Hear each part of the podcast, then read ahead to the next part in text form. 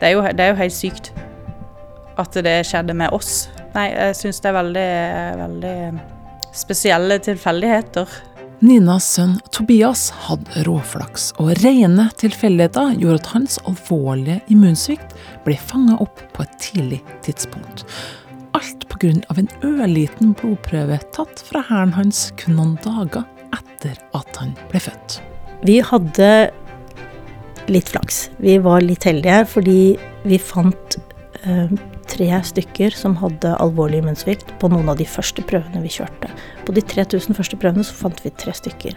1.1.2018 var det nemlig offisielt klart for å teste alle norske nyfødte for den alvorlige immunsviktdiagnosen SKID. SKID er engelsk for alvorlig kombinert immunsvikt, en diagnose som hvis den ikke oppdages og behandles tidlig med beinmargstransplantasjon, medfører at de fleste barn med diagnosen dør innen sitt første leveår. Med andre ord, det haster. Men veien for å få akkurat den diagnosen på lista over sykdommer som norske nyfødte skulle testes for, var lang og kronglete. Åtte år holdt vi på.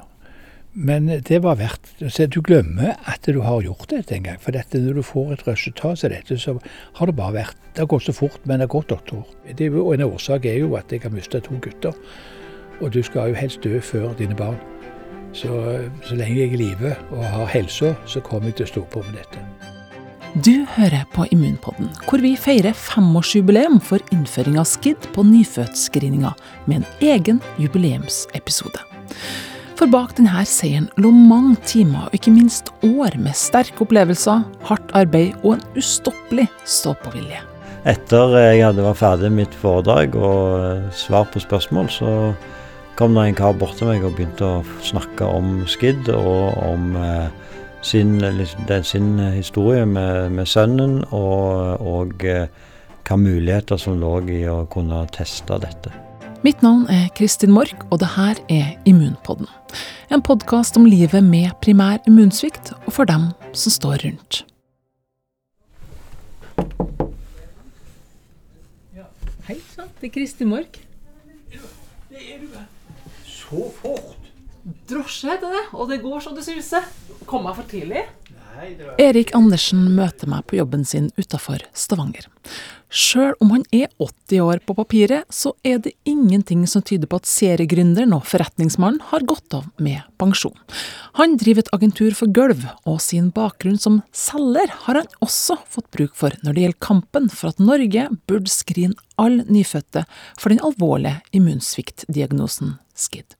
Jeg lærte av min far aldri gi opp hvis du tror på noe. Hvis du tro, virkelig tror på noe, så må du ikke gi opp. Og det har jeg ikke gjort i den sammenheng med screeningen. Og Derfor er det ganske utrolig at vi er fire-fem år før uh, resten av Europa med å berge disse menneskene, som, som, som disse babyene som blir dødssyke. For Andersen har sjøl holdt en sånn dødssyk baby i armene da han og kona fikk sønnen Henning tilbake i 1967. Vi visste jo ikke hva han mangla når han ble syk. Han fikk et lite sår i nesen. Uh, og så fikk han uh, vage sår. Og så fikk vi beskjed med det var så vanskelig dette her, at vi må flytte han til Bergen, til Haukeland sykehus. Og der lå han da i de siste seks-syv månedene av sitt liv. Og døde da han var ca. et år. Og jeg var der oppe hver gang og så dette lille vesenet som var som en bjeffrunge med tenner og bein. Det var ingenting annet. Og min kone klarte ikke reise opp engang og, og se på han, for det, hun, det var for sterkt inntrykk fra henne. Og så døde han da han var, var, så syk at han klarte ikke mer. Han hadde fått intravenøs hele den tiden med, med mat. Uh, og så, det, så, ble han begravd, og, og, vi levde i den tro at vi kunne få flere barn uten problem, for det var én til én million at dette kunne skje om igjen. Men så skjer det igjen. Etter å ha fått to friske jentebarn blir Thomas født i 1983. Og da sa jeg at vi må teste han òg. Ja, men det er ikke nødvendig, sier min kone. Det er helt unødvendig. Han er jo frisk. Han kan én til en million ganger om men ikke teste han. Trenger ikke teste han. Jo, jeg vil teste han og se. Og vi fikk med meg eh, overlege Lærdal eh, på sykehuset her. Og han sa at du må til Oslo, for, for vi gjør ikke de testene her i Stavanger. Så vi fikk han i kuvøse, dro til Oslo og fikk teste han. Og så gikk det 14 dager, ikke det engang, og så fikk beskjed til Eller jeg fikk beskjed, for min kone bodde da hos min bror, eh, at eh, han har samme sykdommen. Diagnosen er jo svær kombinert immunsvikt. Forkortet SCID. S-C-I-D. Eh, og så jeg alltid anbefaler folk å google for å finne ut litt om hva den, hva den sykdommen innebærer. Det vil si de er født helt uten immunforsvar, uten T-celler, uten B-celler, uten killerceller. Altså de har ingen motstand for noen som helst sykdom, og de vil etter fødselen så må de bli registrert før de er tre måneder. Og hvis de blir, blir diagnosert med denne sykdommen i sjette-syvende måned, så dør de som regel før de er ett år. Der er de som har levd opptil halvannet år. Men eh, det er ganske Det er dødelig sykdom. Og vi kan ikke gjøre noe annet at eh, han vil måtte dø. Vi har ingen behandling for den, dette her i Norge. Er det noe i utlandet? Ja, det er forsker. Ingen, det, er ingen, det er ikke noen resultater. Så det er kun forskning. Og da begynte jeg å ringe. Den nybakte faren dro sporenstreks til første og beste telefonkiosk, og som den selgeren han var, fikk han etter x antall timer og x antall kroner brukt på utenlandske ringeminutt, nyss i at i USA, der hadde de muligens funnet en måte å redde barn med skidd på. At det var en pasient som lå i et telt eh, og fått beinmargstransplantasjon av eh, sin mor og blanding av eh, beinmarg fra dyreverden, eh, som da lå i, i i, i, lå på Rikshospitalet. Nei, lå på, eh, på Sloan Kettering Cancer Center i New York. Så jeg ringte der, og ganske riktig, han eh, hadde lagt inne i litt, ja, litt over tre år. Eh, og så ut som var blitt frisk. Men fare for at jeg kunne få tilbakefall, det fikk vi òg beskjed om. Men foreløpig var dette en løsning som kunne berge disse pasientene. Og da satte jeg i gang med en gang å finne ut hvordan kan jeg komme over. Erik fikk bygd en spesialkuvøse til sønn, booka nærmest et helt fly over til USA, og etter mye penger, tid, svette og tårer, så kunne de ett og et halvt år senere dra tilbake med en frisk gutt. Men det ble som advart. Etter seks år kom det et tilbakefall.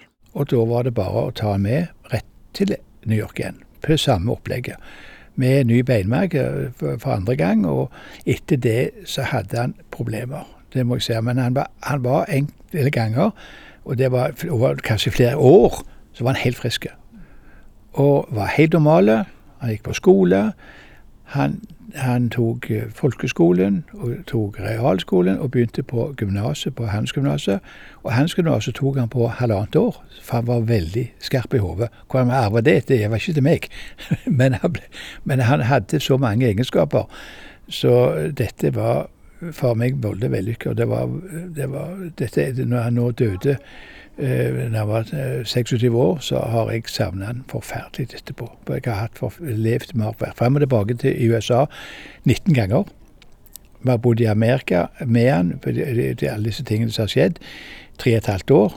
Jeg starta egen forretning der borte, med gulv og vertikale gardiner, vertical blinds og dette. Og klarte å betale ned mye av sykehuskostnader. De var de, er like høye i Norge, men der vet du ikke hva du, hva du betaler. For dette du får det jo på, registrert på, på, i, helsesystemet. Men det måtte vi jo betale det utenom. og Det var store verdier. store Mye penger. Men vi har klart oss å komme ut av det. Det var bare penger, som Thomas alltid sa når han var frisk og rask, at det, det er bare penger for. Uh, vi, må, vi må tenke på at menneskeverd er så mye mer verdt enn penger. For han var voldsomt Han syntes det var veldig trist at han skulle være den som skulle ta ut alle, hele beløpet vårt. Og han sa òg på en flytur tilbake Far og meg, han, vi blir jo aldri rike. Men vi har jo det vi trenger, for vi får jo mat når vi kommer hjem. Det glemmer jeg aldri. Hvor viktig det var for han, i hans tanker. Han visste jo at dette var en veldig kostbar sak, og, og behandling han hadde fått i USA. Han hadde vært 39 år i dag hvis han hadde levd. Så jeg savner han jo voldsomt. Det må jeg bare si, For han var jo pådriver for meg òg, til å få at å hjelpe andre. For han ville at, Han visste jo om Henning, som jeg hadde fortalt hva han har gått igjennom. Så du har en oppgave, far i livet, det er å hjelpe ikke bare meg, men også andre. Og det har jeg stått på med. Ja, men jeg må passe ikke grine for det. Jeg får sånn. Kjenner det inni her. For til slutt måtte både Thomas og Erik gi opp den lange kampen. Thomas Andersen dør andre juledag 2009.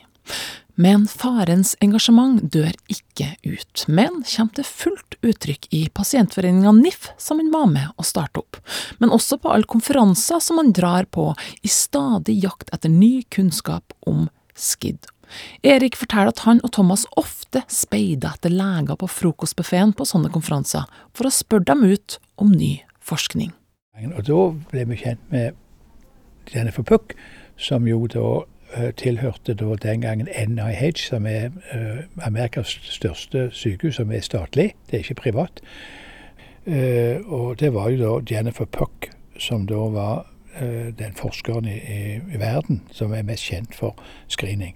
Og så fikk de dette inn i først i eh, to-tre stater, og slutt nå, nå, før vi fikk det i Norge, så hadde av 50 stater eh, i Amerika, så var det syv eller, tre, eller eh, seks eller syv stater som screena alle nyfødte. Og der var det jo veldig mange som ble berga pga. dette. Og hva skjedde inni deg, Andersen, når du hørte at det her en mulighet til å at unger kunne berges, og foreldre kunne skånes for det du har gått gjennom? Da måtte vi prøve å få dette inn i Norge, og det var det som var hovedtingen. Da begynte jeg å undersøke mulighetene for å, å få det gjøre det samme som USA, og fikk med meg da uh, Jennifer Puck uh, over. Jeg fikk med flybilletter til henne og hennes mann, da, så de var da i Rikshospitalet holdt foredrag om dette, og i Arendal var de, og var de hjemme hos oss.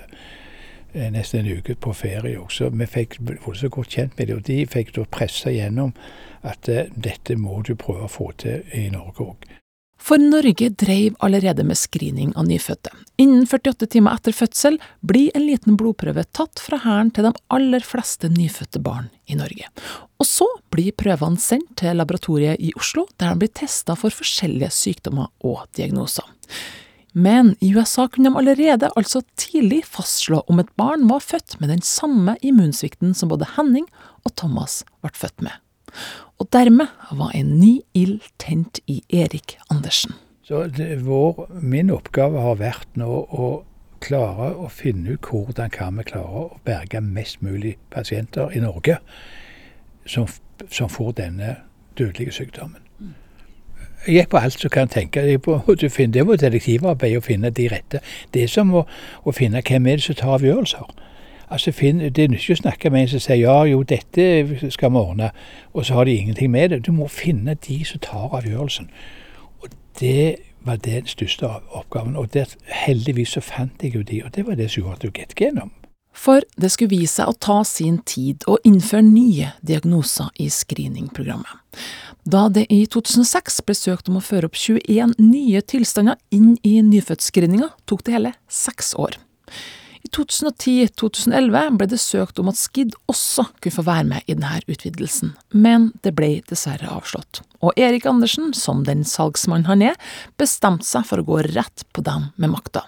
Eksempel medlem i Stortingets helse- og omsorgskomité på den tida, Sveinung Steinsland. Fra Stensland på et Høyre-møte. Jeg, jeg, er ikke noen politiker i det hele tatt. Men jeg tenkte jeg så det var politikere som skulle være på et sånt et, møte i Stavanger. Så jeg eh, valgte å gå ned og høre litt på hva de hadde å snakke om. Det var sykdommer generelt. Det var på grunn av at da var Bent Høie eh, blitt vår eh, helseminister. Og så var det hans høyre hånd som skulle ha et foredrag. Og så fikk jeg snakke med han, og så skulle han da reise til Oslo. Etter møtet var slutt, så tok jeg så borte, kan ikke jeg kjøre deg til Sola flyplass. Og der begynte det. Så den, den, det møtet var veldig viktig. Så fikk jeg han med på flere møter på Rikshospitalet som jeg hadde, fikk engasjert, uh, hvor han òg hadde et innlegg. Og så fikk vi uh, tak i de fleste navnene på sosial- og helsekomiteen som jeg prøvde å få møte med, for å fortelle om hvor viktig det er. Og, hvor mye du vil spare penger, ikke bare livet, men også penger, med å istedenfor å ha én pasient eller to i året som ligger på sykehus til de blir ett eller halvannet år, så var det billigere å skrine 60 000 øh, nyfødte enn å ha en pasient liggende. Og da begynte det å demre for flere av disse komitémedlemmene. Og gjennom Sveinung Steinsland kom Andersen i kontakt med Bent Høie, daværende helseminister, men som i dag, fem år senere, godt husker mannen med det store engasjementet for SKID. Ja, Det var faktisk på et uh, partimøte på Bryne som uh, Jeg husker ikke helt hva det møtet handla om, men det handla i hvert fall ikke om SKID. og så, etter jeg hadde vært ferdig med mitt foredrag og uh, svar på spørsmål, så kom det en kar bort til meg og begynte å snakke om SKID og om sin, sin, historie med, med sønnen og, og hva muligheter som lå i å kunne teste dette. Hvorfor, det, hvorfor var det en omstendig prosess å få innført nye diagnoser i denne screeninga? Ja, det er jo flere årsaker til det. For det første så er det jo den, det, det, faglige kunnskapsgrunnlaget. Det er jo veldig viktig at når vi undersøker stort sett alle barn som blir født i Norge, for det er jo heldigvis sånn at i Norge har vi stor oppslutning og tillit rundt, rundt uh, nyfødtscreeningen, uh, så må en vite at uh, testene er gode nok og en må vite at det er til nytte for barnet. Eh, og det må det ikke være noe tvil om, fordi det handler jo nettopp om Fordelen med den norske eh, nyfødtscreeningen er jo oppslutningen og tilliten. Og hvis en begynner å ta i bruk metoder som i ettertid viser seg å ikke være riktig, eller metoder som egentlig ikke gagner barnet og deres eh, foreldre, ja, da kan jo den tilliten brytes ned, og det kan få svære konsekvenser. Så det er jo det ene, det faglige grunnlaget. Og det andre er jo rett og slett at eh, når vi undersøker så store deler av befolkningen, så innebærer det en del etiske sider som òg må være, en må være trygg på eh, er på plass og er riktig avveid. Og før så har det, den prosessen tatt eh, ganske lang tid. Og for NIF så tok den for lang tid, altså Pasientforeninga. Og for Erik Andresen så tok det her for lang tid, og, de var ganske tydelige om at her må vi få fortgang. Eh, hvordan opplevde du Pasientforeninga i denne prosessen? Ja, både Pasientforeningen og Erik Andersen var jo veldig tydelige på at de forventa at uh, denne undersøkelsen ble innført, og òg tydelige på hva det betydde, hvor mange liv som kunne bli redda hvis det, det skjedde. Uh, og det gjorde jo òg at uh, jeg uh, gikk jo inn i denne prosessen og så på hvor er det vi kan kutte ned tid. hvis Vi kan jo ikke kutte ned kvalitet, så det er jo ekstremt viktig. Vi kan ikke tryk, liksom gå på bekostning av prinsippene som ligger til grunn for hva som skal inn i nyfødtscreeningen. Men var det mulig å kutte tid? Og på det tidspunktet så så vi jo at det som var det var to måter å gjøre det på. Det ene var rett og slett at hvis kunnskapsgrunnlaget tilsier det, så kunne en få en hurtig behandling i Beslutningsforum. Eh, og det andre var å starte arbeidet med å endre forskriften parallelt med metodevurderingen. For å ikke få disse prosessene i etterkant av hverandre. Og de to grepene det gjorde jo at uh, selv om det etter Pasientforeningen her i Andersen sin tid tok for lang tid, så tok det nå mye kortere tid enn det som var vanlig. Men en sånn type sak, er det egentlig et politisk spørsmål? Nei, egentlig ikke. Eh, fordi vi i Norge har jo et veldig bra system for eh, screening av nyfødte. Men hvilke prøver som inngår i det, er jo et veldig faglig eh, spørsmål, egentlig. Selv om fordi at dette gjelder alle og eh, er en helseundersøkelse, så vil jo dette kreve forskriftsendringer, som jo til slutt blir en politisk spørsmål. Men, men, eh, men hele grunnlaget er jo eh, faglig. Så derfor er det jo ikke veldig ofte at det blir et politisk initiativ knytta til den type eh, undersøkelser. Men Høie, som var helseminister på det tidspunktet, ble regelrett smitta av engasjementet til Andersen og resten av pasientforeninga NIF. Og ifølge NIFs leder Eva Brox kom Høie til å spille en viktig rolle i denne prosessen. Det som vi gjorde, det var jo å følge opp, undersøke dette og få finne ut liksom, er, hva er den faglige vurderingen, og hvor er prosessen knytta til det. Og det er klart at det at departementet jo på mine vegne da begynte å henvende seg om dette, det gjorde nok at denne saken fikk en del oppmerksomhet nedover i systemet. Og når, når jeg da fikk opp informasjon og så at her er det egentlig en metode som sannsynligvis vil bli godkjent, så var jo mitt hovedgrep nettopp det å sørge for disse parallelle prosessene for å kutte ned tiden. Og det tror jeg vi iallfall tjente ett år på. Uh, at den kom inn i programmet ett år tidligere. Og det har jo da hatt betydning for de, de barna som ble født i det året.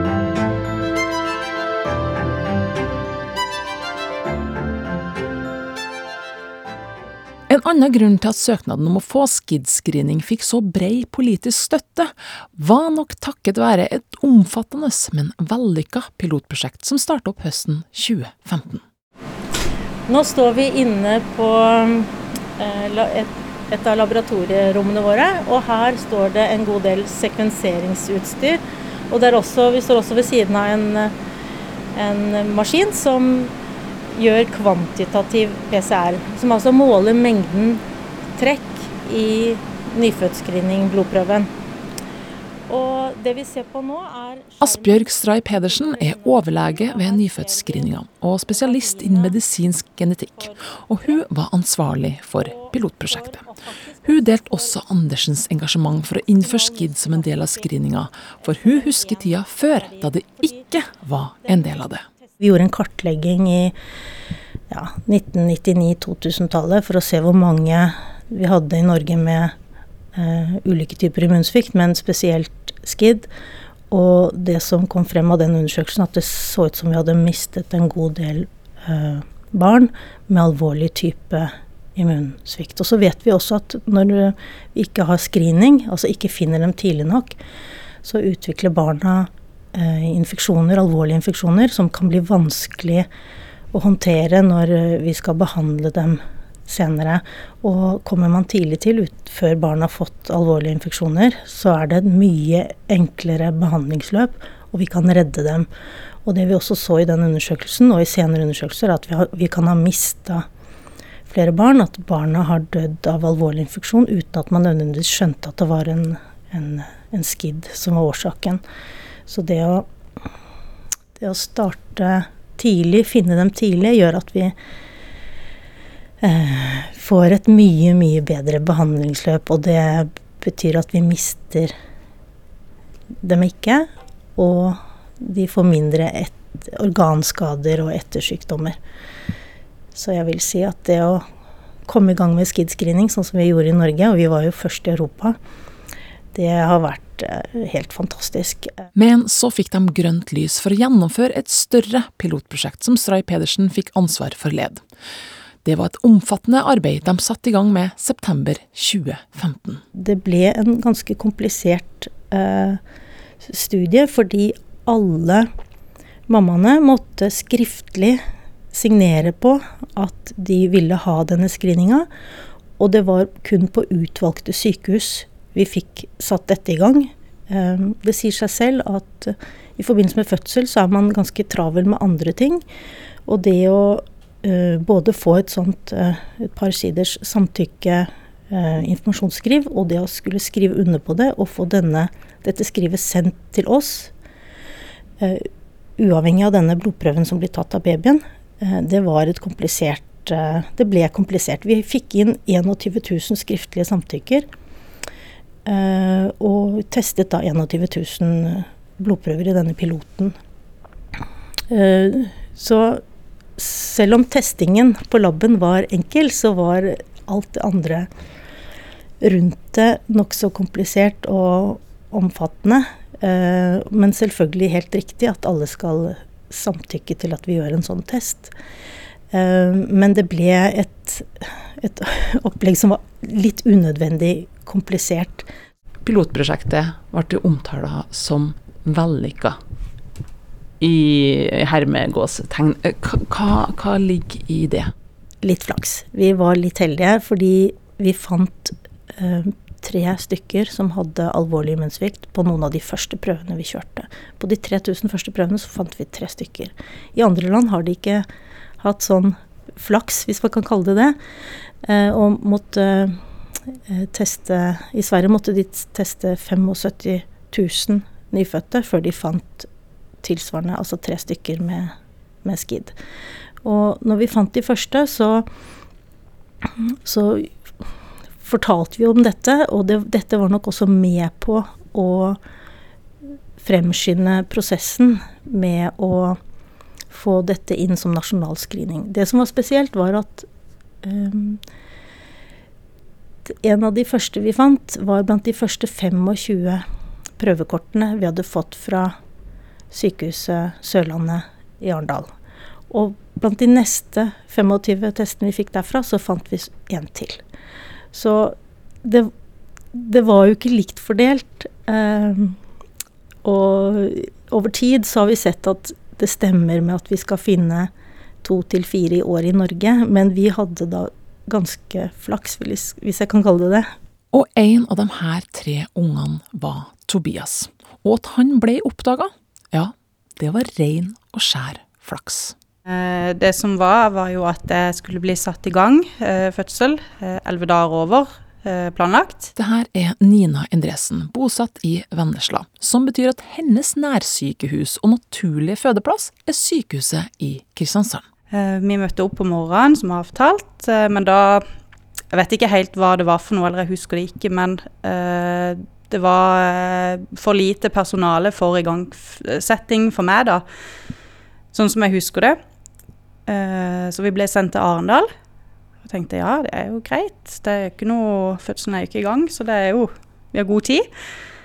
Eh, så når vi kom til Arendal, så eh, gikk vi gjennom de prøvene vi skulle, og før igangsetting. Og så ble vi spurt om om å være med på et pilotprosjekt hvor de screena for, for SKID, alvorlig immunsvikt og for en lykke. For i motsetning til Kristiansand var Arendal sykehus ett av seks sykehus som var med i dette pilotprosjektet.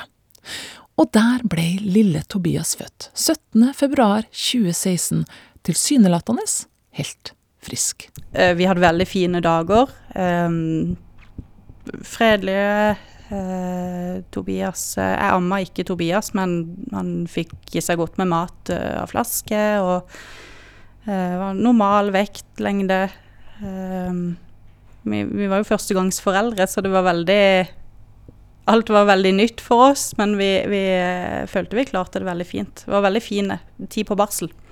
Og så, hvor lang tid gikk det før du plutselig fikk en telefon? Det gikk ca. to, to og en halv uke, så fikk jeg en Da fikk jeg en telefon fra jeg husker fremdeles ikke om det var fra Rikshospitalet eller om det var fra eh, Sørlandssykehus.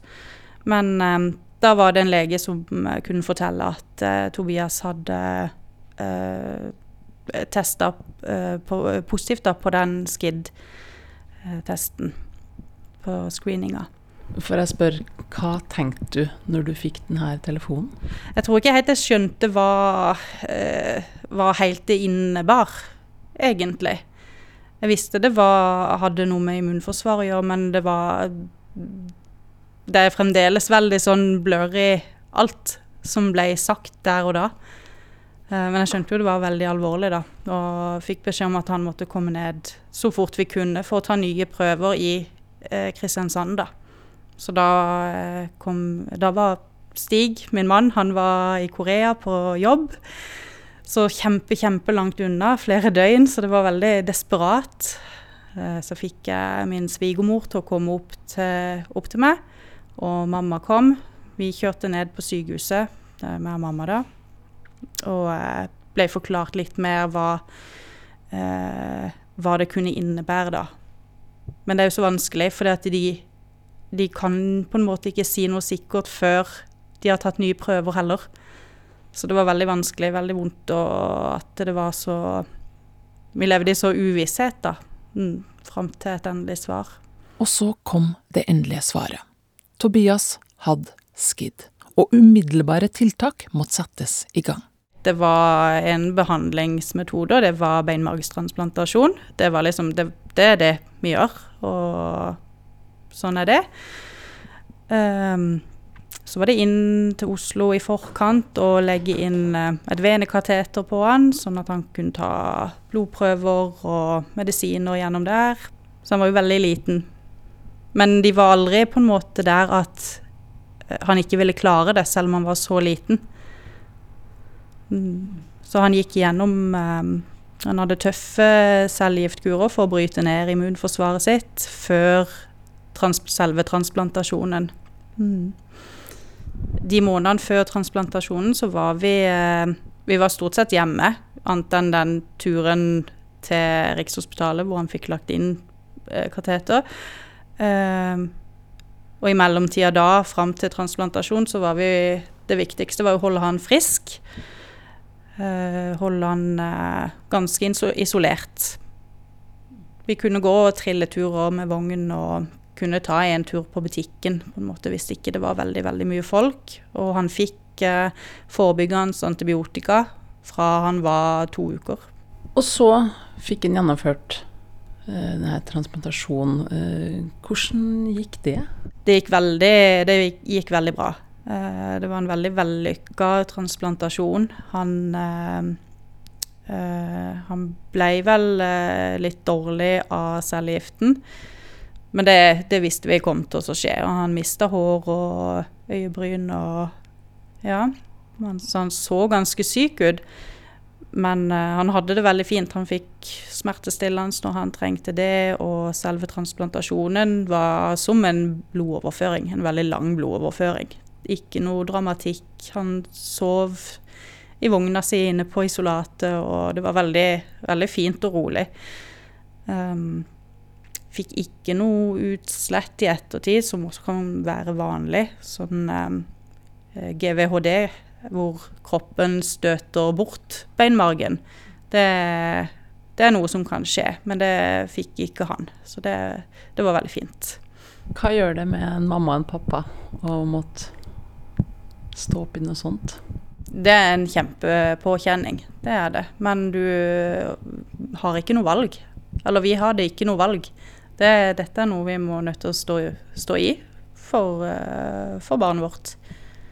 Det er ikke noe uh, Det var ikke noe spørsmål om at dette orker vi ikke. Det, en går i en overlevelsesmodus. Vi gjør det. Tobias er straks sju år og førsteklassing. Hvordan er formen hans i dag? Tobias er helt frisk. Det ikke Han har ikke noe noe mer infeksjoner eller sykdommer enn andre barn. Jeg ville heller sagt at han har Han er nesten mindre. Uh, men han har vært vanlig forkjøla, han har hatt vannkopper, uh, omgangssyke, alt. Det er ingenting som uh, har vært noe uvanlig etter at han ble frisk. Det er ikke det. Når du tenker på denne tilfeldigheten, at det var litt for dårlig bemanning på Kristiansand, at dere ble sendt til Arendal sykehus istedenfor, hva tenker du om denne tilfeldigheten? Det er så vanskelig å det er så vanskelig å svare på det. Det er jo, det er jo helt sykt at det skjedde med oss. Det Nei, jeg syns det er veldig, veldig spesielle tilfeldigheter, rett og slett. Det, det, er veldig vanskelig å beskrive med ord og en tenker om det, men det er jo helt eh, Det, det, uh, det er jo helt utrolig, egentlig. Hadde ikke dette blitt oppdaga på den eh, screeninga på pilotprosjektet for SKID, så eh, hadde han ikke oppdaga noen ting. Det kunne gått eh, tre, fire, fem måneder, eller så, så, fort han hadde fått sin første infeksjon, som mange barn får i den alderen, så hadde han merka det. At han hadde kanskje slitt med å bli kvitt den, blitt ekstra dårlig. Min mor fikk jo en gutt på uh, 80-tallet, vel som òg eh, var veldig syk. Og da oppdaga de jo ikke at det var eh, alvorlig immunsvikt før eh, han var så syk at ikke noe kunne gjøres.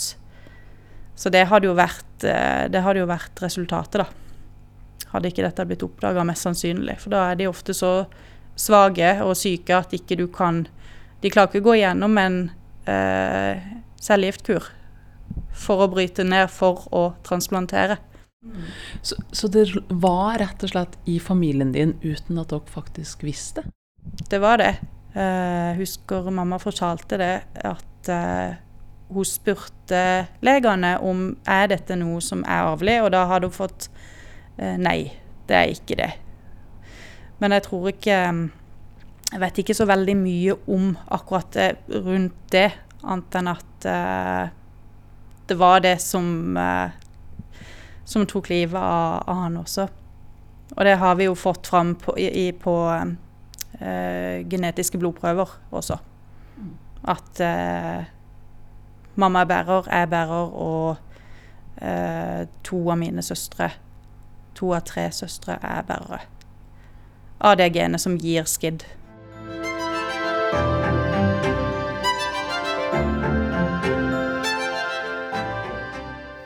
År har gått siden pilotprosjektet starta, og Asbjørg Stray Pedersen har tatt en del telefoner der hun har måttet fortelle foreldre som Nina at barnet deres har skidd. Men sjøl om den erfarne legen er glad for å avdekke den alvorlige immunsvikten, er det aldri en lett beskjed å gi. Det å ringe ut en beskjed om at et barn er alvorlig sykt, når eh, foreldre og mamma tror at babyen er helt frisk og ser helt frisk ut og virker helt frisk etter fødsel, det er en vanskelig telefon. Men først og fremst er det å ha fokus på at dette kommer som et sjokk på familien. Um, og når vi ringer ut, så um, er vi veldig opptatt av at uh, vi skal hjelpe familien å lande dette sjokket. Um, og også at når vi ringer ut, så vet vi at det finnes en behandling for den tilstanden vi varsler om. familien får komme med babyen ganske raskt på sykehuset etter at vi har ringt, og det er en trygghet, slik at de føler også at de blir fulgt opp tett fra starten av. Og så er det jo en liten sjanse for at vi kan ha blanda prøver. Det har aldri skjedd. Men det å bevare det håpet om at det kan ha skjedd en feil, og at, at vi kanskje må ta en ny prøve for å være helt sikre på at dette barnet er det som har den alvorlige munnsvikten, det er også et poeng. Og det å Men det å ringe ut er eh, da er det som sagt viktig å ha fokus på mottakeren, og det er ofte mamma eller pappa til en nyfødt baby. Mamma har ofte slått av telefonen rett etter fødsel og er sliten av andre årsaker enn og, Altså ja, sliten etter fødselen. Og, og, det å få tak på foreldrene er også ikke alltid så lett, men når vi får tak på foreldrene og forteller dette, så tar det jo litt tid før det synker inn hva vi ringer om. Men eh, jeg vil si sammenlignet med andre som ringer ut alvorlige budskap til eh, andre mennesker, så er dette å ha fokus på at dette, her finnes det en behandling, her finnes det noe vi kan gjøre. Dette gjør vi for å redde barnet og hjelpe familien. Det er også et godt budskap, men det oppleves ikke sånn for den som får denne beskjeden. Eh, med en gang. Men kanskje over tid så, vil, så vet vi at foreldrene syns at dette er godt å ha fått beskjed om, og at vi har bidratt til å redde barnet. Har du noe tall på hvor mange dere har funnet? Hvor mange tilfeller eller hvor mange unger dere har eh, oppdaga? Ja, vi fikk jo lov å begynne med nasjonal screening fra 1.1.2018. Og denne beskjeden fikk vi da høsten 2017. Ehm, etter at vi holdt på ca. to år med dette pilotprosjektet. Og da vi startet opp i eh, Siden vi startet opp 1.1.2018, så har vi funnet nå 14 eh, nyfødte med alvorlig munnsvikt. Det er selvfølgelig ulike typer eh, eh alvorlig munnsvikt, men eh, Og halvparten av disse 14 er nå blitt transplantert, eller i ferd med å bli benmargstransplantert.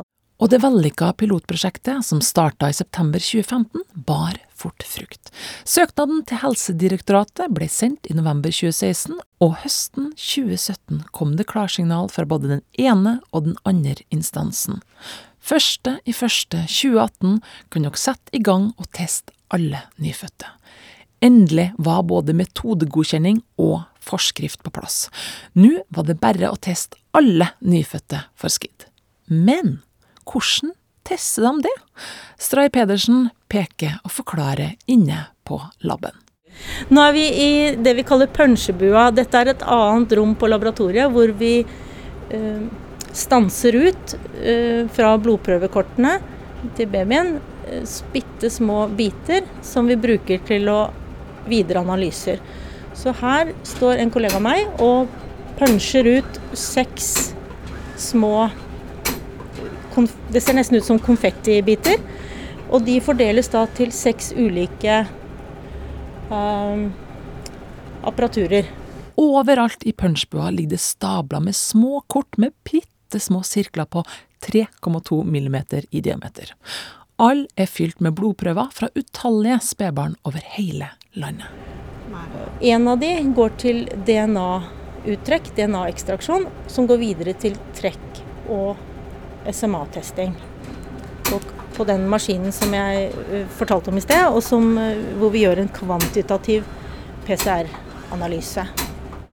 Trekktesting, som vi gjør for SKID-screening, er den første genetiske testen som blir gjort i nyfødtscreening. Det er en Trekk er en markør for T-celler, som er en type immunceller. Og når trekk er lav, så har Eh, er det antatt at vi har få sånne immunceller, og det er da et indirekte tegn på alvorlig immunsvikt. For å teste trekk så bruker vi en DNA-basert metode, så det er altså en genetisk test. Det som har vært fordelen med den forskriften, er at vi ikke bare da tester trekk, men vi kan også teste hvorfor man har immunsvikt på genetisk nivå. Så første testen er trekk, andre testen er en mer omfattende genetisk test hvor vi tester alle gener for alvorlig immunsvikt, og kan helt spesifikt si hvilken type immunsvikt det er. Og dette kan vi gjøre på to-tre dager. Og det er helt unikt å kunne gjøre det så fort, og at vi gjør det før vi varsler om hvilken uh, varsler ut til familien, til foreldrene, at barnet kan ha en alvorlig type immunsvikt. Norge var kanskje litt sein på avtrekkeren, men likevel var vi første land ut i Europa som tilbød screening for skidd hos alle nyfødte. Hvordan har Norges rolle endra seg fra å være en etternøler til å være en pådriver overfor andre land? Nei, Det tror jeg er veldig viktig. Norge er jo et land som har uh, høy anseelse når det gjelder den type uh, spørsmål. Uh, og vi har jo et uh, system knytta til metoder og innføringen av undersøkelser som jo jeg tror er veldig tillitsvekkende. Det er jo land som jo har andre typer helsetjenester der, der jo en nettopp mer av kommersielle årsaker tar i bruk mange ulike typer undersøkelsesmetoder. De vil jo ofte være raskt ute, både med undersøkelsesmetoder og behandlingsmetoder, men da kun til de delene av befolkningen som har forsikringer eller økonomi til å betale for det. I Norge har vi jo et eh, system som innebærer at vi har en veldig eh, grundige vurderinger i forkant av hvilke metoder vi skal tas i bruk. Og så når vi gjør det, så gjør vi det for hele befolkningen. Eh, men det gjør jo at jeg tror at fagfolk i andre land nok ser en god del til òg de beslutningene som tas i Norge. Og også Stray Pedersen merker at andre land følger med på hva Norge har gjort. Jeg vil jo si at vi har vært en pådriver som har gjort at uh, Sverige kom i gang med sin SKID-screening, og Danmark kom i gang med sin screening. Og også en del andre europeiske land er nå i gang med SKID-screening. Det er fortsatt noen land som mangler, bl.a. Uh, Storbritannia. Uh, men uh, er eh, en av de tilstandene vi screener for hvor det er helt tydelig at, at det er et stort poeng å teste tidlig. Vi screener jo for andre tilstander hvor det er kanskje litt mer usikkert hva vi vinner. Men for uh, skid-screening så er det helt udiskutabelt en uh, test som redder liv, og som gjør at uh, uh, mange av de som har den alvorlige type immunsvikt, overlever. Og ikke bare overlever, men, men, har friske liv etter at har, de har fått målrettet behandling. Du, I september 2017 så kom det her vedtaket om at nå skal det bli innført nasjonalt som en del av eh, nyfødtscreeninga. Greier du å huske hva du følte eller tenkte da når den endelige beskjeden kom? Ja, da var det jubel her på screeninga. Vi har jo eh, hadde jo da jobbet et par år for å få dette i stand. Og jeg vet at vi hadde Jeg har jo vært involvert i, i, immunsviktarbeidet siden 1999-1998. Og det å da endelig få på plass eh, nyfødtscreening for alvorlig immunsvikt, det, det, var en festdag. Um, jeg kan ikke si annet. Ja. Så her er Thomas, vet du. Det er Thomas. Det var, det var, da var han altså syv år. Mirakelgutten begynner på skolen. Ja. Tilbake på kontoret i Stavanger viser Erik Andersen meg en perm full av utklipp fra aviser og magasiner, og mimrer tilbake på et liv med kamper, tap, men nå seirer. Hvordan minnes han denne seieren for over fem år siden? Og det var det største den største opplevelsen jeg har hatt uh, si, i mitt liv. Det var når jeg fikk vite at dette var i orden. Og det, det var med champagne. og Hele familien vår var jo til stede når denne meldingen kom, at jeg hadde gått gjennom i statsråd. Så det var gledens dag. Åtte år holdt vi på. Men det var verdt så Du glemmer at du har gjort det en gang. For når du får et resultat som dette, så har det bare vært Det har gått så fort, men det har gått åtte år som er en stor seier for meg å ha få lov å være med på. Jeg har jo hatt veldig god hjelp av mange, mange mange andre. Ja. Men du må være noe som er litt pådriver av, så har du det, og en årsak er jo at jeg har mista to gutter. Og du skal jo helst dø før dine barn. Så, så lenge jeg er i live og har helsa, så kommer jeg til å stå på med dette. Ja, for så mye farting, så mye research, så mange møter, så mange reiser og penger. Hva, hva har det kosta? Ja, det har ikke kostet mer enn at når du tenker på det etterpå, at uh, gleden med det er mye, mye større enn kostnadene. Det kan ikke sammenlignes. Altså, så lenge du har helsa Hvis jeg hadde vært sånn at jeg ble syk av dette, så hadde jeg sett hva jeg holdt på med. Men jeg har helsa, og har, det har kanskje gitt meg òg ekstra helse at jeg får lov å være med på det. For du gleder deg så fantastisk over dette resultatet. Det var alt for denne gang i Immunpodden. Der vi har vært så heldige å få høre historiene fra Nina Endresen, Erik W. Andersen, Bent Høie og Asbjørg Stray Petersen. Til neste gang kan du høre på andre episoder av Immunpodden. Dem finner du der du lytter til podkast, og ikke minst på immunpodden.no. Har du forslag til tema for denne podkasten, gjerne send oss en e-post til redaksjon.norge krøllalfa cslbering.com. Jeg tar den en gang til. Redaksjon.norge, krøllalfa, cslbering, med h og punktum kom. Mitt navn er Kristin Mork. Takk for at du hørte på, og takk til CSL Bering som gjør denne podkasten mulig.